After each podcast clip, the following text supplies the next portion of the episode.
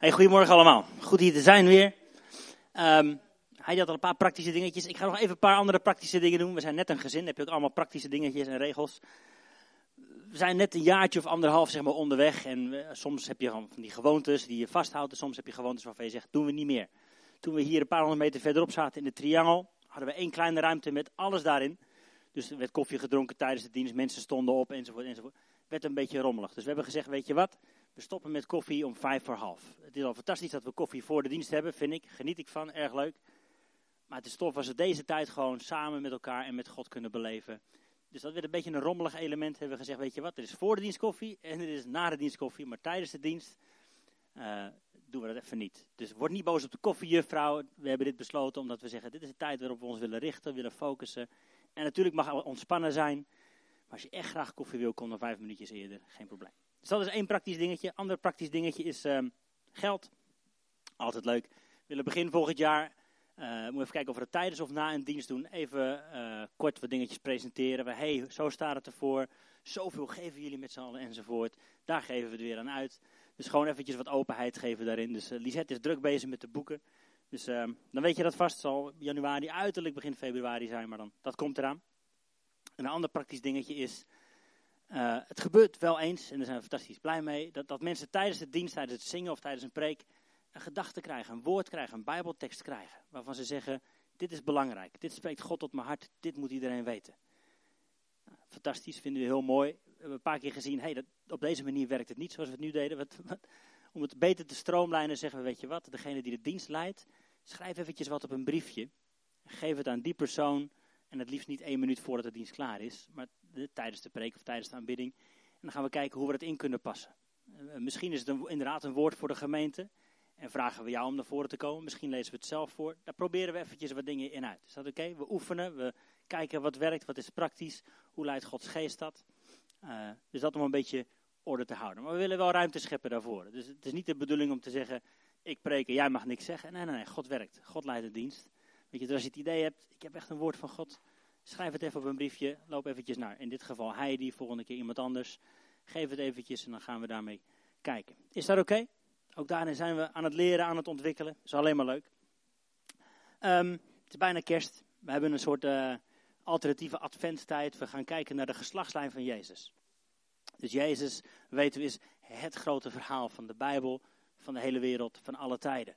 Maar in de opbouw naar dat grote verhaal zijn een heleboel kleine verhalen die alvast vooruitblikken. Die alvast kleine doorgangetjes geven waarin we zien, oh zo werkt het. Jezus kwam natuurlijk om te vertellen over en uit te leven het koninkrijk van God.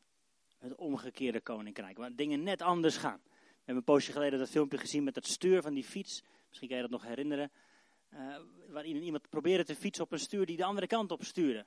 Waanzinnig raar, heel moeilijk om aan te leren. Nou, zo is het ook met het koninkrijk van God. We hebben een heleboel dingen in deze wereld op een bepaalde manier aangeleerd. Het is goed om belangrijk te zijn, om de sterkste te zijn, om de rijkste te zijn, om gezien te worden. Koninkrijk van God is vaak net andersom. En dat zijn we met z'n allen aan het leren. Nou, Jezus deed dat voor, leefde dat uit, vertelde daarover. Maar in al die verhalen, in al die geslachten daarvoor, zie je al kleine glimpjes, zeg maar, vooruitblikken. Oh, zo werkt dat. Dus als we vandaag gaan kijken naar een ander verhaal, is het niet alleen maar geschiedenis, dan is het ook een kleine, een kleine blik op het koninkrijk van God. Bepaalde principes, regels. Zo werkt het in het koninkrijk van God. Dus we hebben gekeken naar Abraham. Daar begonnen we mee in deze serie Levenslijn. Abraham, de, de vader van het geloof. En hij was de vader van het geloof niet omdat hij alles precies wist. Hij had niet de correcte theologie. Hij wist niet alles over de drie eenheid, over de gaven van de geest enzovoort. Maar hij vertrouwde op God. En hij deed wat God zei. En daarom is hij vader van het geloof. We hebben gekeken naar, naar David. Hoe hij als herdersjongen, die jongste van allemaal, de verschoppeling misschien wel van zijn gezin, ergens buiten op het veld aan het schapenhoeden was. En hoe God hem op het oog had. En hoe God hem riep. En hoe hij zijn hart puur hield. Hoe hij op God bleef vertrouwen. Hoe hij op God bleef kijken. Ook, de bekende psalm, in die, in die eh, vallei waar het dood lijkt te zijn. Waar het donker lijkt te zijn. Dus dat was David. Vorige keer hebben we gekeken naar Rut. Die vanuit Moab kwam. Misschien je het verhaal wel. Een buitenlandse vrouw die, die toch in die geslachtslijn van Jezus staat. Dat is een van de vijf vrouwen die genoemd wordt. Heel bijzonder verhaal. Hoe zij haar land verliet. En zich aansloot bij een ander land. Ze zei tegen haar schoonmoeder, uw volk is mijn volk, uw God is mijn God. Heel bijzonder verhaal. En dat, dat daagt mij en dat daagde ons ook uit om te zeggen, wel, welk land moet ik eigenlijk ook alweer verlaten? Welke, welke gewoontes moet ik achter me laten, zodat ik nieuwe gewoontes kan omarmen? Welke goden moet ik achter me laten, zodat ik God kan omarmen? Dus dat was het verhaal van Rut. Vandaag gaan we kijken naar Hiskia. Hiskia, niet, niet het meest bekende verhaal uit de Bijbel, maar hij staat ook in, dat, in die lijst. Hè. Vorige week keken we naar die lijst van Matthäus 1. En ik noemde toen al, er is een, een afdruk gevonden van een zegelring van deze koning. Een paar duizend jaar geleden leefde die. En het is dus echt geschiedenis. Het is niet alleen maar een verhaal wat je moet geloven. Bijzonder om te zien. Archeologen hebben dat gevonden. Nou, we gaan een stukje lezen uit Twee Koningen. Als je je Bijbel niet bij hebt, het staat ook op het scherm. Zoek het er even bij. Twee Koningen, hoofdstuk 18. Ik lees hem uit de Bijbel in gewone taal. Even zien. Hiskia, de zoon van Agas, werd koning van Juda toen Hosea, de koning van Ela, jaar, de zoon van Ela, drie jaar koning van Israël was. Hiskia was 25 jaar oud toen hij koning werd en hij regeerde 29 jaar vanuit Jeruzalem. Zijn moeder heette Abi, zij was een dochter van Segaria. Hiskia is een goede koning. Hiskia leefde zoals de Heer het wilde, net als zijn voorwaarde David. Hij zorgde ervoor dat de offerplaatsen niet meer gebruikt werden. Hij liet de heilige stenen kapot slaan en de heilige palen omhakken.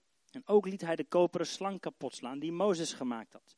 Want de Israëlieten brandden nog steeds wierook voor die koperen slang. Ze noemden hem koperslang of Negustan. Hiskia vertrouwde op de Heer, de God van Israël. Hij was de beste koning die Juda ooit gehad heeft. Wauw. Hij bleef zijn hele leven trouw aan de Heer en hij hield zich aan de regels die de Heer aan Mozes gegeven had. En de Heer hielp hem. Daardoor lukte alles waar Hiskia aan begon. Hiskia kwam in opstand tegen de koning van Assyrië, want hij wilde hem niet langer dienen. En ook versloeg hij de Filistijnen, hij veroverde de stad Gaza en het hele gebied daaromheen, zelfs de kleinste stadjes. Tot hier eventjes. Een blik in de geschiedenis. Het is echt even een, paar duizend jaar geleden wat ik al zei, in een totaal andere tijd, totaal andere plek. Maar uit het leven van Hiskia kunnen we hele mooie principes halen die ons richten op het koninkrijk van God. Die ons laten zien, dit is leven zoals Jezus het bedoeld heeft. Nou, we gaan nog een keertje door die tekst heen, maar dan stap voor stap even wat dieper erin duiken en dat, dat geeft een goede blik erop. Bijvoorbeeld in het begin staat er, Hiskia werd koning van Juda toen iemand anders koning van Israël was. Huh? Er was toch maar één volk. Er was toch maar één volk. Dus we gaan even terug naar die tijd. David was koning. Salomo werd daarna koning. Salomo, in het begin weten we, deed hij het heel goed. Hij vroeg om wijsheid en vertrouwde op God. Maar daarnaast kwamen er duizend vrouwen. Ongelooflijk. Is niet zo wijs van hem. Duizend vrouwen met al hun eigen goden die hij binnenliet. En, en ergens is dat fout gegaan, denk ik, in het hart van Salomo. Dat hij zijn vertrouwen niet alleen maar meer op God ging stellen, maar ook andere goden toeliet. En daar is het fout gegaan. En is na, na, na, na twee generaties, of na die generatie, zijn zoon, die wilde nog strenger zijn voor het volk. Nog meer belasting heffen. Toen kwam het volk in opstand en er was een scheuring. Toen kreeg je in één keer het kleine koninkrijkje Juda, alleen maar de stam Juda. En het koninkrijk Israël. Dus dat was een scheiding, een splitsing in, in wat ooit één volk was. En ze kregen verschillende koningen. En die bestonden naast elkaar. En soms ging het goed samen, soms ging het niet goed samen. Maar wat je ziet gebeuren, is dat er twee verschillende volken zijn. Een verbroken koninkrijk. Eh, dat, dat, doet mij weer afvragen van, hé, hey, met, David was toch goed begonnen? En eh, Salomo was toch goed begonnen? Dat, dat soms lijkt alsof dat het belangrijkste is, je eerste keus. Eén keer kiezen, één keer voor God kiezen, dan heb je het toch goed gedaan. Maar uit hun levens blijkt, eigenlijk is het bijna belangrijker, hoe, hoe eindig je? Hoe eindig je? Blijf je je blik inderdaad vooruit op God richten? Of is er halverwege de reis, komen er vrouwen binnen? Komen er andere goden binnen? Komt er andere machten in je leven? Hoe eindig je? Dus voor mij die eerste zin, twee koninkrijken, hé, hey, dat zet me hierbij stil. Hoe, hoe eindig je? Fantastisch om één keus te maken en ja te zeggen tegen Jezus, maar wat, doe je morgen? Ik heb ooit een, eh, een mannenweekend georganiseerd. 50 mannen zaten op een eilandje, fantastisch. Er waren een paar leuke creatieve dingen. En een van die leuke creatieve dingen was, ik had, ik had bij wijze van spreken een, een soort graf gemaakt. En het verhaal verteld van een bepaald persoon, fictief, verzonnen. Maar dat zette ons stil bij de vraag: hoe wil ik eigenlijk dat mensen over mij praten als ik daar ooit kom te liggen? Wie, wie staat er dan aan de rand van het graf? Wat zou ik graag willen dat mijn kinderen bijvoorbeeld tijdens die toespraak zouden zeggen? En als ik dat graag wil, wat ga ik dan nu mee doen? Als ik graag zou willen dat ze zeggen, ah, was echt een fantastische vader, hij was er voor me, hij luisterde naar me. Maar als ik dan morgenochtend geen tijd voor ze heb. Dus het is goed om je blik vooruit te werpen. Hoe wil ik eindigen? Hoe wil ik eindigen? Dus nou ja, goed, we gaan weer terug naar Hiskia. Maar onthoud hem. Hiskia was de zoon van Agas. Agas. Was geen goede vader, trouwens. Als je een paar hoofdstukken terugleest, hè, ik lees nu 2 Koningen 18. Je gaat een paar bladzijden terug, dan lees je dat verhaal van Agas, die ook een koning van Juda was maar talloze afgoden aan het eren was. En er staat zelfs bij, Agas, hij, hij, liet zijn kinderen door het vuur gaan. Wat zoiets betekende als hij offerde zijn kinderen op aan Moloch, een andere god. Ongelooflijk. Ongelooflijk. Dus Hiskia, die later koning werd, die heeft misschien wel broers en zussen verloren daaraan. Waarschijnlijk wel. Heeft er misschien wel bijgestaan. Ik weet niet hoe dat gegaan is. Heftig. Hij heeft niet het allerbeste voorbeeld ooit gehad, zullen we maar even zachtjes uitdrukken. Hij staat, hier staat, Hiskia was de beste koning die Juda ooit gehad heeft. Maar zijn vader heeft een waardeloos voorbeeld gegeven. Waardeloos voorbeeld gegeven. Nou, gelukkig had ik niet zo'n vader. Gelukkig heb jij waarschijnlijk ook niet zo'n vader. Maar we kunnen hier wel wat uit leren, ook met z'n allen, denk ik. Het is niet zo belangrijk hoe je voorbeeld was. Natuurlijk draag je dat met je mee. Maar het is niet alles bepalend voor jouw keuzes. Hiskia heeft niet zijn kinderen geofferd aan een andere God. Hij is niet zo geworden zoals zijn vader was. Weet je, en ik geloof ook dat er voor jou en mij vrijheid was. Vanochtend toen we hier aan het bidden waren, toen, toen sprak iemand dat ook uit. Er is vrijheid, we mogen dat weten met z'n allen. We zijn niet vastgeklonken in, mijn familie doet het nou eenmaal zo.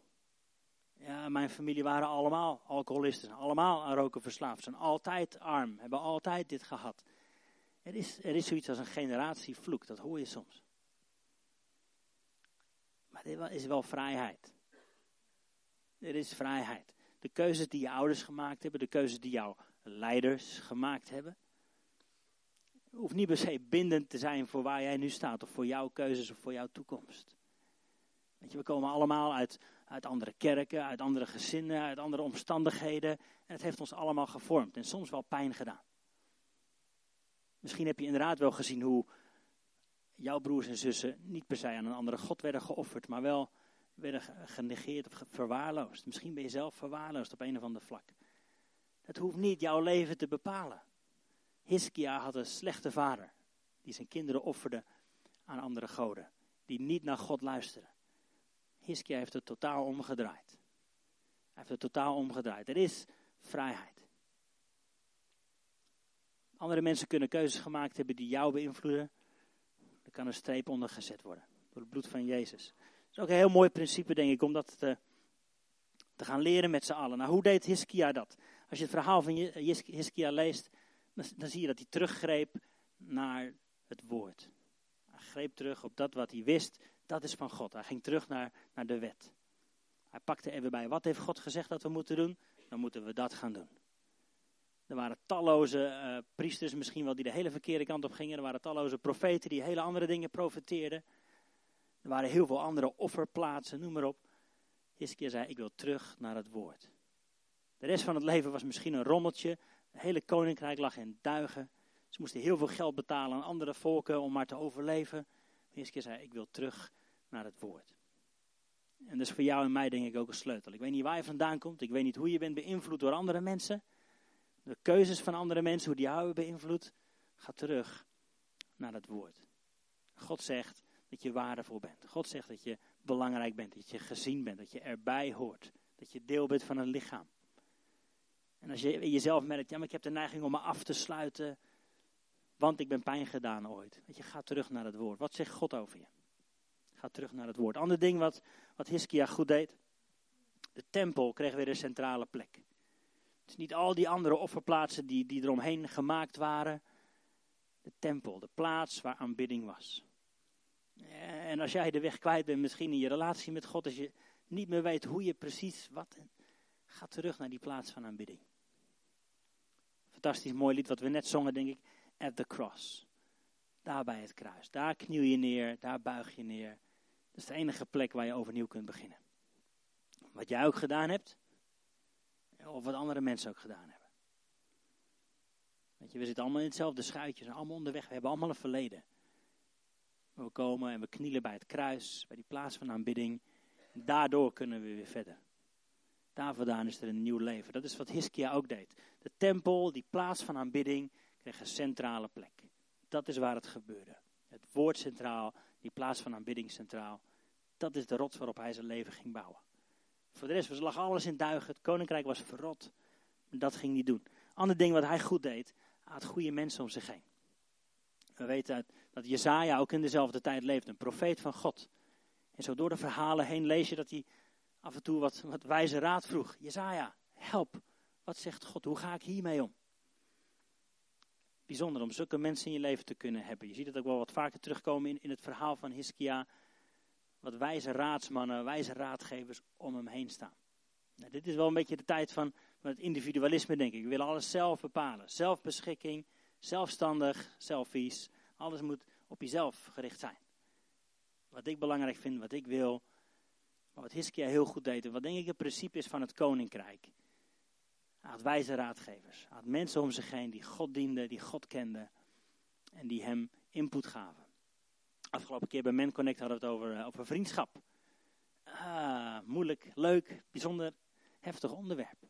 Hoeveel, hoeveel vrienden hebben we nou eigenlijk? Dat is een mooie. Goede vraag om jezelf af en toe eens te stellen. Zijn er mensen om mij heen naar wie ik toe kan gaan als ik het even niet zie zitten? En wat is hun raad? Wat is hun input? Wat is hun, wat is hun relatie met God? Heb, heb jij zulke mensen om je heen? Of, of, eh, ben je ook pijn gedaan en denk je, weet je wat, ik zoek het zelf wel uit. Ik en God, wij zijn in de meerderheid. Een van de lessen van Hiskia is, eh, heb wijze mensen om je heen. Mensen die met God wandelen. Mensen die misschien nog een paar stappen verder zijn. Die al wat fouten hebben gemaakt die jij niet meer hoeft te maken. Heb die mensen om je heen. Of, of wees zo iemand voor iemand anders. Een hele mooie regel zou kunnen zijn. Omring je door mensen die verder zijn dan jezelf. Mensen die op ongeveer dezelfde plek zijn dan jezelf. En mensen voor wie jij een mentor kunt zijn. Dat zou een mooie zijn. Ik denk dat het een heel gezond principe is. zien we ook terug in het leven van Jezus met zijn discipelen. Weet je, dat, dat zal af en toe best ge, gebotst hebben. Een poosje geleden lazen we erover over hoe Matthäus, die was een, een tollenaar. En, en daarnaast waren vissers van wie hij de tol moest heffen. En toch waren het samen discipelen van Jezus. Mensen die samen dezelfde kant op. En af en toe zal het gebotst hebben. Maar het waren wel mensen om hem heen die dezelfde kant op gingen. Daarom, ik word steeds blijer als ik denk aan de naam van, van de kerk, Connect Kerk. Weet je, dat is wel wat we graag willen. Connecten, verbonden zijn. Mensen toelaten in je leven opnieuw. Ook al heb je jezelf afgesneden, ook al hebben andere mensen jou afgesneden. Ga terug naar het woord, terug naar die plaats van aanbidding, terug naar wat God zegt over jou. En ga je weer verbinden aan mensen die ook op diezelfde weg zijn. Hiskia moest ook leren. Dat staat niet per se in dit stukje wat we lazen. Maar verderop in het verhaal zie je dat de koning van Assyrië kwam langs. En begon dreigende taal uit te slaan naar, naar de koning Hiskia. En Assyrië was een groot land, Juda was een klein landje. Assyrië was groot en sterk, Juda was wat zwak. En wat er uiteindelijk gebeurde is dat, dat Hiskia al het goud uit de tempel liet halen om, om aan die vijand te geven, om, om hem maar tevreden te stellen, om maar geen aanval te krijgen. Had hij niet hoeven doen. En gelukkig leerde hij er ook van. De volgende keer dat hetzelfde weer gebeurde, ging hij inderdaad naar Jezaja. En luisterde hij naar het woord van God. En wat er toen gebeurde, kun je ook terugvinden, niet alleen in de Bijbel, maar in andere geschiedenisboeken. Is dat er een aanval kwam van dat grote, sterke Assyrië. Op dat kleine Jeruzalem. En dat over een nacht dat Juda niet meer zag zitten, dat Hiskia aan het bidden was in de tempel, dat daar buiten de muur 185.000 mensen, sterke soldaten, in één keer gestorven waren. Staat in de Bijbel, een engel van God ging door het kamp. In andere geschiedenisboeken staat, er kwamen muizen en die vraten op. Ik weet niet precies wat er gebeurd is, hoe die engel eruit heeft gezien. Weet je, maar Hiskia leerde ervan. De eerste keer reageerde hij uit angst. Maar de tweede keer richtte hij zijn ogen op God. En je mag leren. Het betekent niet dat je foutloos zult leven ineens. Ook niet als je inderdaad het woord centraal hebt. Ook niet als je inderdaad die plaats van aanbidding kent. Ook niet als je hele wijze vrienden om je heen hebt. Je zult nog steeds fouten maken. Maar we leren daarvan. We staan weer op en we gaan weer door. En de, de volgende keer inderdaad ging Hiskia zijn oog op God richten en was dan een overwinning. Lezen een stukje verder. Vers 1 hebben we ongeveer gehad nu. Hè? Hij was Hiskia, koning van Juda. En uh, er was ook Israël. En hij was de zoon van Agas. Dus die twee dingen eventjes onthouden. Hoe, hoe eindig je? En de tweede is, omstandigheden en afkomst hebben niet het laatste woord. En daarna, in vers 4, dan zie je, de, de, hij liet de heilige stenen kapot slaan, de heilige palen omhakken. Dat, dat waren afgodspalen die zijn vader, misschien wel zijn voorvader, daar hadden neer laten zetten.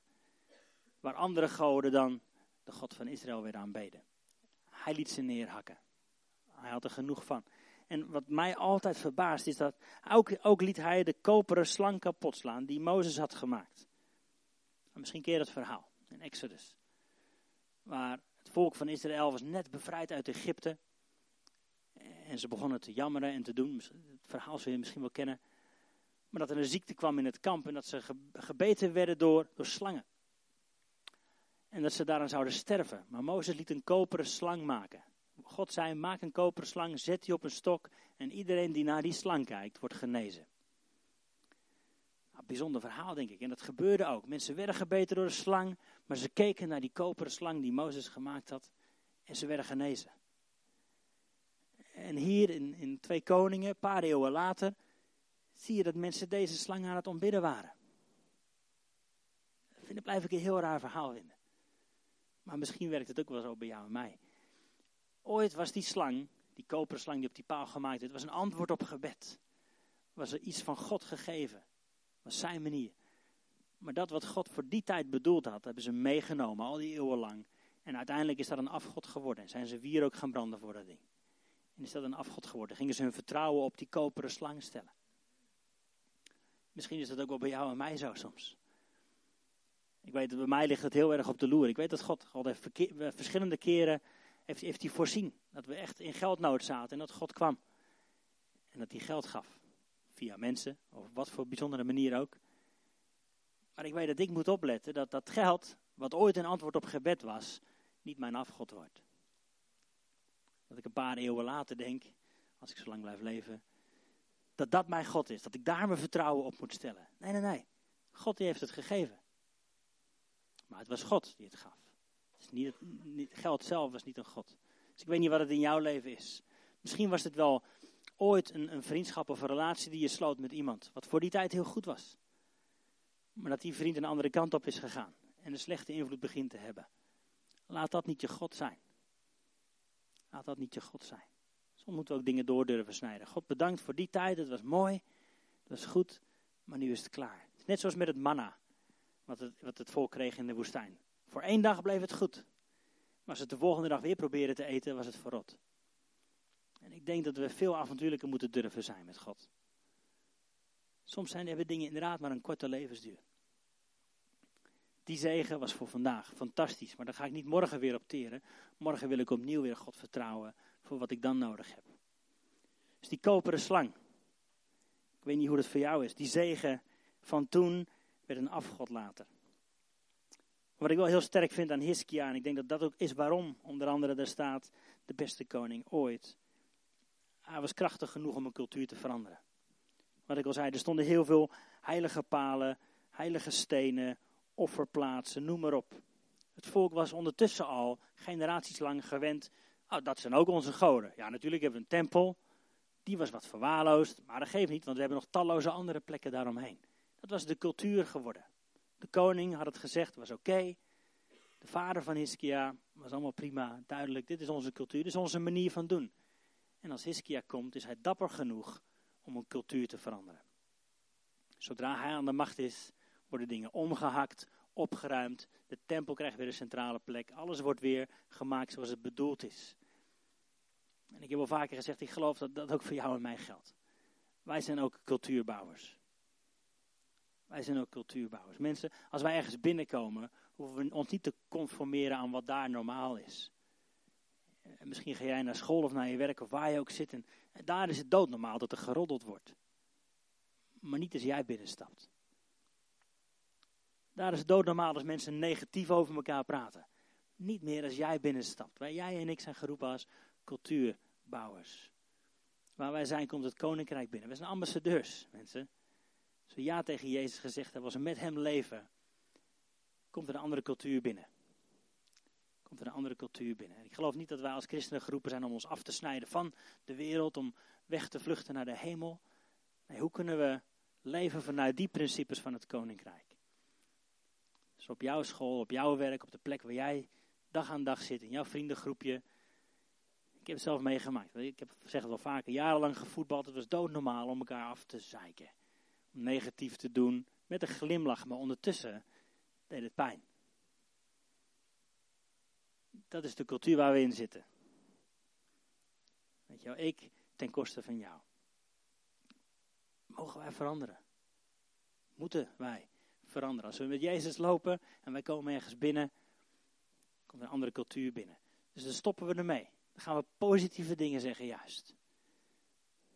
Misschien moet je er wel heel bewust mee beginnen. Want de gewoonte veranderen is niet zo makkelijk. Dat betekent dag aan dag heel bewust dingen laten, dingen doen. Jij en ik zijn geroepen als cultuurbouwers. Mensen die iets anders gaan neerzetten.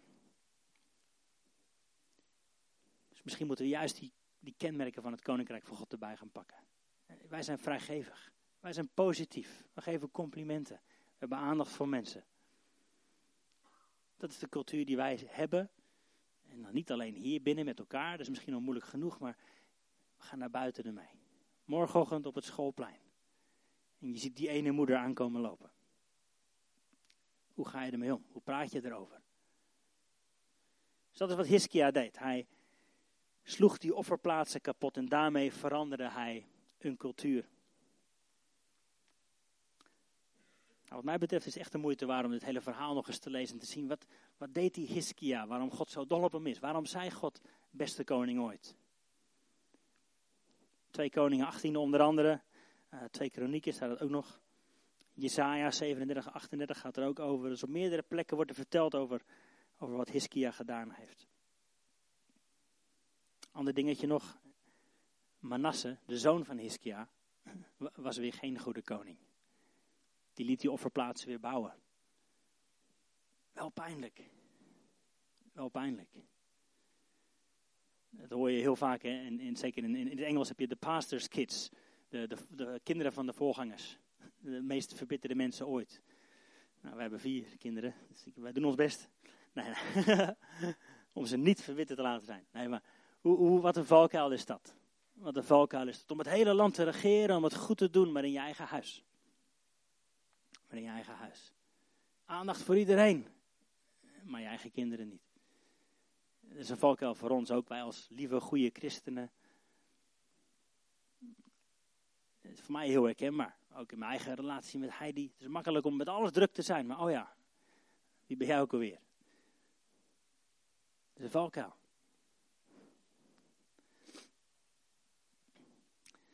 Yes paar mooie dingen die we zo kunnen leren, denk ik, uit het leven van Hiskia. Dus nummer 1, hoe, hoe eindig je?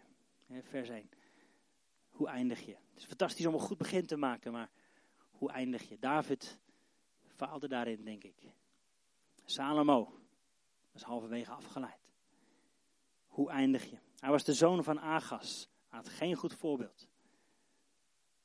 Maar toch heeft hij dingen om kunnen draaien. Door het woord centraal te stellen, door de tempel, de plaats van aanbidding weer centraal te stellen, door wijze mensen om zich heen. En Hiskia was niet bang om een cultuur te veranderen. Genoeg, denk ik, hele rijke dingen voor ons om mee te nemen morgenochtend. Heer Jezus, ik wil uw koninkrijk uitleven. Hoe doe ik dat? We stellen zijn woord centraal. We stellen die plaats van aanbidding weer centraal. We omringen ons met wijze mensen en we gaan de cultuur veranderen. Zullen we gaan staan? Wil ik graag voor je bidden.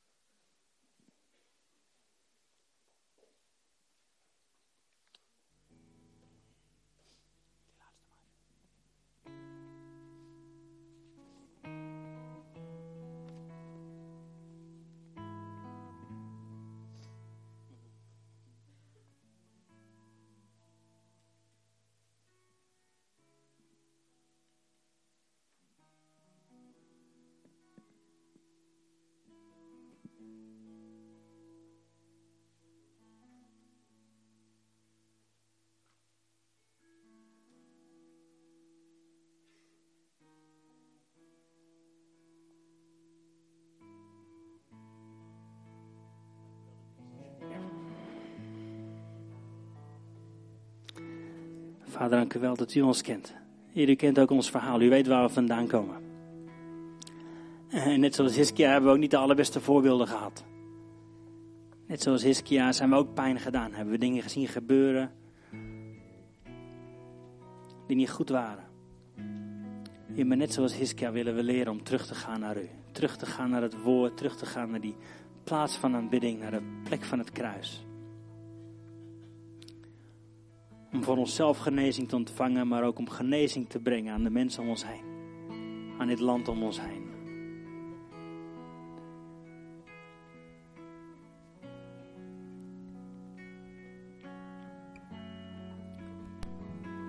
Heer, help ons daarbij.